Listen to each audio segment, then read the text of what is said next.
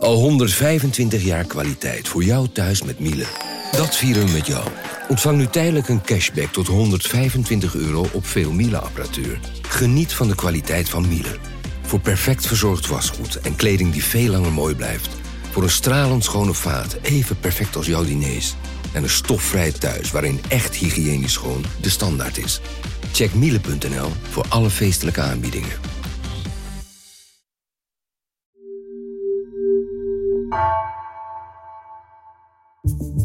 Vanaf de redactie van NRC het verhaal van vandaag. Mijn naam is Gabriella Ader.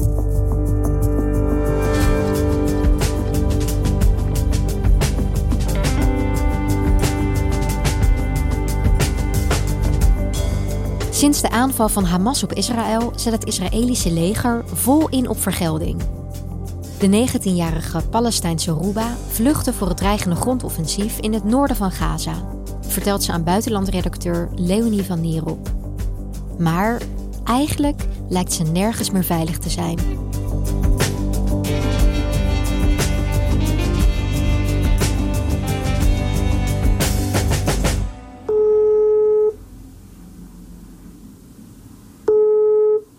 Hi, David. How are you? Hi, I am good, but I'm worried about you. No, we are fine. Where are you? Uh, we are in uh, my grandfather's house. Actually, it's really hard. Panic attack, you know. I couldn't breathe. Vorige week belde ik met Ruba. Zij is een 19-jarige student uit Noord-Gaza. En vlak voordat ik haar belde had ze mij een berichtje gestuurd... dat ze had gehoord dat Israël het huis van haar buren zou bombarderen. En toen was ze in paniek naar het huis van haar opa en oma gerend. We don't know even what's going on. They bomb everywhere, but we don't know where.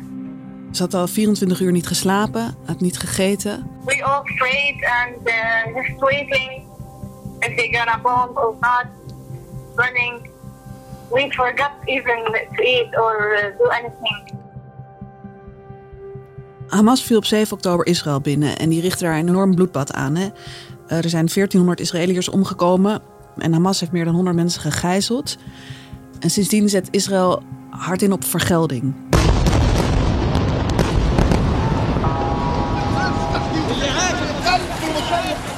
En Hamas bestuurt de Gazastrook. Dus Gaza wordt zwaar gebombardeerd sinds 7 oktober. En daarbij zijn ook al meer dan 3000 Palestijnse doden gevallen en zo'n 12.000 gewonden. Gaza is arm, afgesloten van de buitenwereld. De politieke situatie is uitzichtloos en het zit vol met trauma. En daarbovenop zou Israël dus nu ook nog een grondoffensief willen beginnen. En daarom adviseerde het burgers in het noorden van Gaza het gebied te verlaten. Dus is Ruba vorige week met haar familie richting het zuiden getrokken. Maar het is echt wel duidelijk dat je op dit moment in Gaza nergens veilig bent.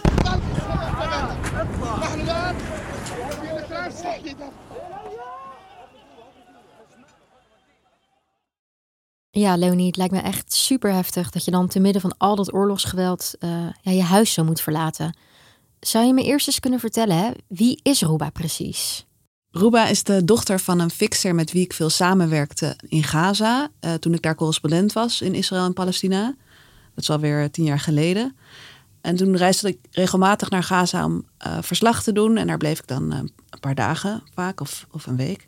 En ja, je, kan als vrouw daar niet zo makkelijk alleen over straat. En ja, een mens kan ook niet alleen maar werken. Dus mijn fixer nam me vaak mee op sleeptouw. Dan ging ik bijvoorbeeld eh, vis eten met zijn vrienden. Of ik ging eh, mee naar de paardrijles van zijn dochters. Dus ik heb wel, ik ken die kinderen goed. Ik ken Ruba vanaf, ja, en haar zusje vanaf, ja, vanaf dat ze zeven zijn. En we hebben altijd contact gehouden. Ook al kan zij Gaza niet uit en ik kom er niet meer in. En sinds deze oorlog is uitgebroken, heeft ze amper internet. Eh, maar wat nog wel lukt is bellen. Niet altijd, maar ik kom er soms tussendoor. En door dagelijks met haar te bellen krijg ik wel een indruk van ja, wat gewone Gazanen nu doormaken. Ja, en hoe ziet dat leven er daaruit van Ruba, ook al voor de oorlog? Nou, ze woont met haar familie in het vluchtelingenkamp Jabalia. En dat is in het noorden van Gaza. Het ligt even ten noorden van Gaza-stad. En dat is hetzelfde vluchtelingenkamp als waar haar eh, grootouders in 1948 terechtkwamen. Toen ze verdreven werden uit eh, wat nu Israël is. Dat, dat noemen de Palestijnen de Nakba. Maar grootouders die vluchtten naar Gaza en ze werden daar opgevangen in die, van die witte tenten, weet je wel, van de VN. Die zie je wel voor je. Ja. Uh, maar 75 jaar later wonen ze er nog. Alleen de tenten zijn vervangen door huizen. En het is een hele stad geworden. Dus mensen hebben eerst een huisje gebouwd en dan een verdieping erop voor de kinderen. En daar weer verdieping op voor kleinkinderen. En de mensen daar beschouwen zichzelf ook nog allemaal als vluchtelingen. En zo worden ze ook gezien door de Verenigde Naties. En veel van hen zijn ook nog steeds afhankelijk van voedselhulp. Maar Ruba en haar familie proberen toch ja, een zo normaal mogelijk leven op te bouwen daar. En is dat mogelijk? Ja, nou, niet echt. Hamas greep de macht in 2007 en toen heeft Israël de Gazastrook geblokkeerd. En Israël controleert de landgrens en de zeegrens en ook het luchtruim. En dat heeft de economie van Gaza echt volkomen vernietigd. Dus ruim de helft van de Gazaanse bevolking leeft onder de armoedegrens. En dat zie je daar ook op straat. Dus je ziet allemaal ezels en houten karren en kinderen met kapotte kleren. Zonder speelgoed. En de regering van Hamas is zeker niet bij iedereen populair. Want ze zijn heel repressief en uh, streng religieus. Vrouwen hebben nog minder vrijheden dan mannen. En die samenleving krijgt door die blokkade helemaal geen frisse lucht. En dat voelt heel verstikkend voor ze. En ja, je kan er dus wel naar school en je kan er studeren. Maar daarna is er eigenlijk niks. Ruba vertelde ook dat, niemand in Gaza aan elkaar vraagt wat je later wil worden. Dat merk je ook aan de stemming. 70% van de Gazanen kan met depressieve klachten, heeft de Wereldbank vorig jaar onderzocht. Uh, Save the Children had ook zo'n rapport dat 80% van de Gazaanse kinderen, en er zijn wel een miljoen Gazaanse kinderen, last heeft van angst en spanning en in zijn bed blast. En dat komt niet alleen door de blokkade, maar ook door het oorlogsgeweld. En dit is voor Ruba al de vijfde keer in haar leven dat de Gazastrook zwaar wordt gebombardeerd. Al is het deze keer wel echt veel erger dan de vorige keren. Wat doet dat met zo'n jong meisje? Nou, ze is in ieder geval uh, niet naïef. En uh, ze is heel sterk, maar ze is ook mentaal beschadigd. Vooral door de oorlog in 2012. Tijdens die oorlog was ik ook in Gaza om verslag te doen voor de krant. En toen gebeurde er iets gruwelijks. Toen heeft Israël een enorm zware bom, een bom van een ton, gegooid op een zandveldje vlakbij haar huis. En die bom sloeg een enorme krater en een splinter van die bom die ging honderden meters door de lucht, dwars door haar voordeur, ketste af tegen het trapportaal en ratste zo een paar vingers van de hand van haar tweelingzusje af. Want Ruba en haar zusje waren net aan het spelen in de gang.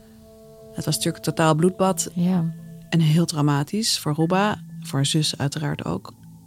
En Ruba, die raakte een shock. Die is heel lang heel stil geweest. Die kon niet huilen. Maar ze heeft later heel veel last gehad van nachtmerries, uh, woedeaanvallen, paniekaanvallen. En daarnaast moet je je voorstellen dat die bombardementen zelf ook heel heftig zijn. Ik was daar soms echt bang dat ja, mijn, mijn trommelvlies het zouden begeven. Zo hard dat geluid en de druk die er op je oren komt. En de angst, dat is iets waar je lang last van kunt houden.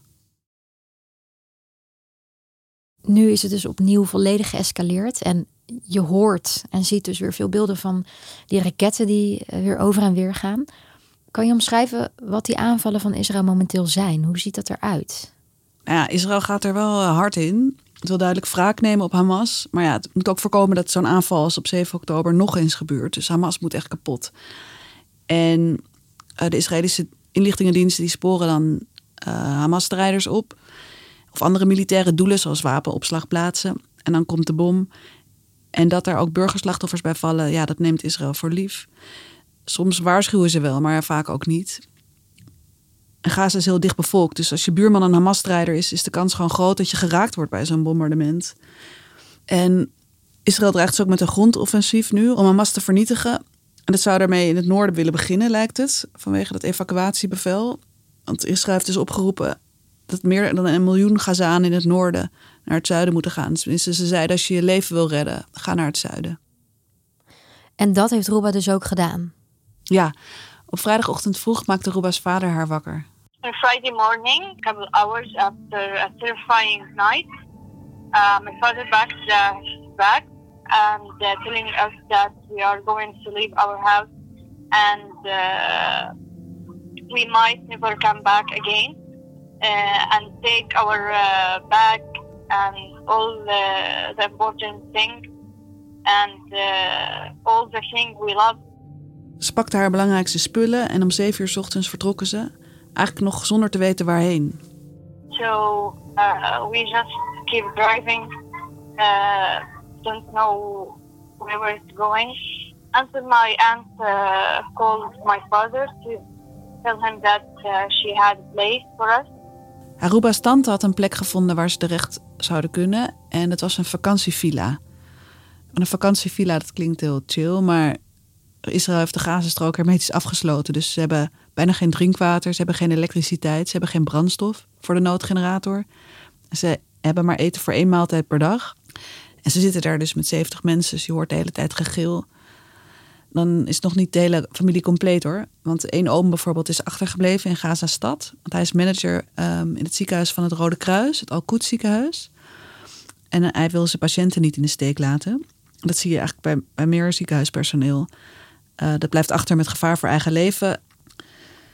En een tante van Ruba is ook thuis achtergebleven in het noorden van Gaza. Want die wil liever thuis sterven dan op de vlucht, zegt ze. En hoe veilig zijn ze dan op die nieuwe plek in die villa, denk je? Nou, helemaal niet. Uh, want het blijkt dat vlakbij dat vakantiehuis uh, heeft Hamas al een paar keer raketten afgevuurd op Israël. En je hoort ook, als een raket afgeschoten wordt, hoor je dat ook. Dus die familie schrok zich rot. Dat gebeurde maandag en het is dinsdag nog een keer gebeurd. Het gebeurde ook precies toen ik haar belde.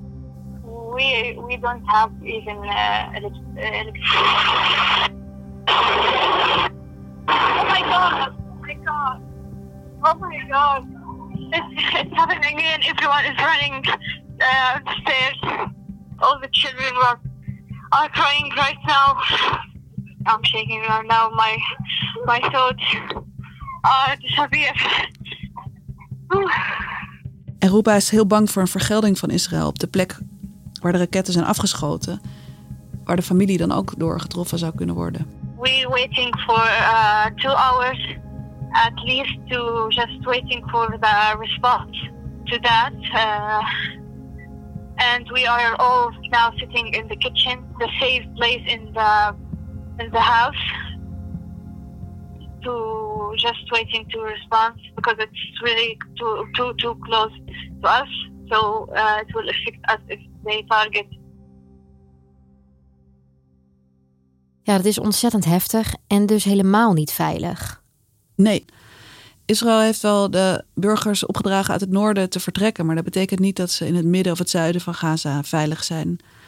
En misschien nog wel minder veilig thuis in Gaza-stad weten ze wel, die buurman is een Hamas-aanhanger. Maar nu zitten ze in een nieuwe omgeving die ze niet kennen. En ze hebben geen idee waar Hamas zit. Een ander voorbeeld laat het ook zien. Um, een deel van de familie van Ruba was gevlucht naar een huis, ook in het midden van Gaza, een ander huis. En daar bleek zijn buurman ambassadrijder te zijn. En zaterdag is dat huis, waar dus dat andere deel van haar familie naartoe is gevlucht, geraakt bij een bombardement op de buren. En toen zijn er nog veertien leden van Ruba's familie omgekomen. Onder andere haar neefje Ahmad van vijf. En um, Ruba vertelde dat haar tante, dus de moeder van Ahmad, heeft het bombardement overleefd en ze lag in het ziekenhuis. En volgens het islamitische geloof moet je binnen 24 uur begraven worden. Maar die tante had gezegd: wacht even met het begraven van Ahmed, want ik moet hem nog om vergiffenis vragen. His mother, she said, uh, please don't bury him before I can see him and uh, say goodbye to my little angel. That she was hope to uh, he can forgive her, that she can protect him uh, while they the house. En het nichtje van Ruba, die is even oud, is ook 19, daar is heel close mee. Haar schedel en kaak zijn gebroken bij die aanslag zaterdag. En zij was er zo slecht aan toe, dat nichtje, dat ze haar eerst naar het mortuarium hebben gebracht. En ze lag daarna een paar dagen in het ziekenhuis, maar daar was geen plek meer. Uh, want in het ziekenhuis het heeft zo weinig stroom en er is zo weinig medicijnen dat ze alleen de aller, aller, allerzwaarste, eigenlijk de nieuwste um, slachtoffers uh, kunnen verzorgen. Dus nu ligt dat nichtje bij Ruba in huis. Maar haar gezicht is helemaal kapot. Ja. En Ruba kan er niet naar kijken. I was trying actually, but uh, I, I couldn't handle it at all. Dus de horror, de angst, het trauma, het is overal maar heen. Ja, het klinkt afschuwelijk allemaal. En nou, je hebt al gezegd, hè, ze zijn dus helemaal niet veilig in Gaza. Maar is er een mogelijkheid om te vluchten? Nee, alle grenzen zitten dicht. En stel je voor dat, dat Egypte de grens opengooit voor vluchtelingen, dan is het ook maar de vraag of, ze, of, ja, of je dan moet gaan. Want de ervaring van 1948 leert dat je dan ja, eigenlijk niet meer terugkomt. En als de Palestijnen de Gazastrook verlaten, dan is het ook nog moeilijker voor ze om aanspraak te maken op een eigen staat. En bovendien moet je als vluchteling ja, weer helemaal opnieuw beginnen. Dan zit je dus weer in een tent en zijn ze weer terug bij af, net zoals opa en oma. En dat is voor de Palestijnen een groot trauma geweest, die Nakba. Dat beeld van die tent, daar willen ze niet naar terug. Ja.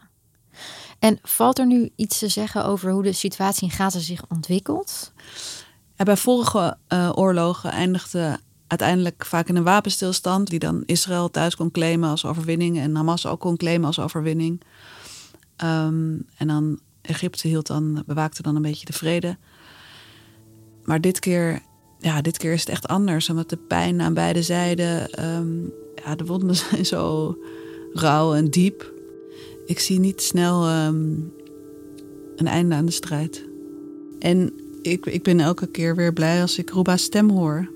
Dat ze nog leeft. Please, please, please. No, uh, hug your sister and your daddy for me. I'm thinking about you. I will thank you bye. so much. Take care. Bye. Bye, bye.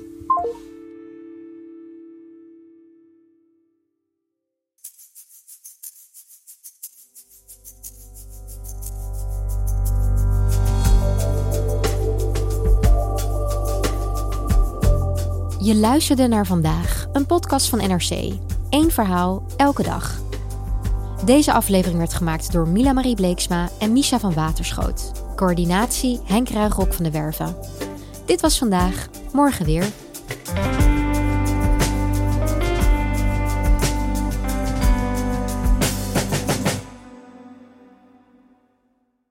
Technologie lijkt tegenwoordig het antwoord op iedere uitdaging. Bij PwC zien we dit anders. Als we de potentie van technologie willen benutten, kunnen we niet zonder een menselijk perspectief. Human-led, tech-powered noemen we dat. Ga naar pwc.nl.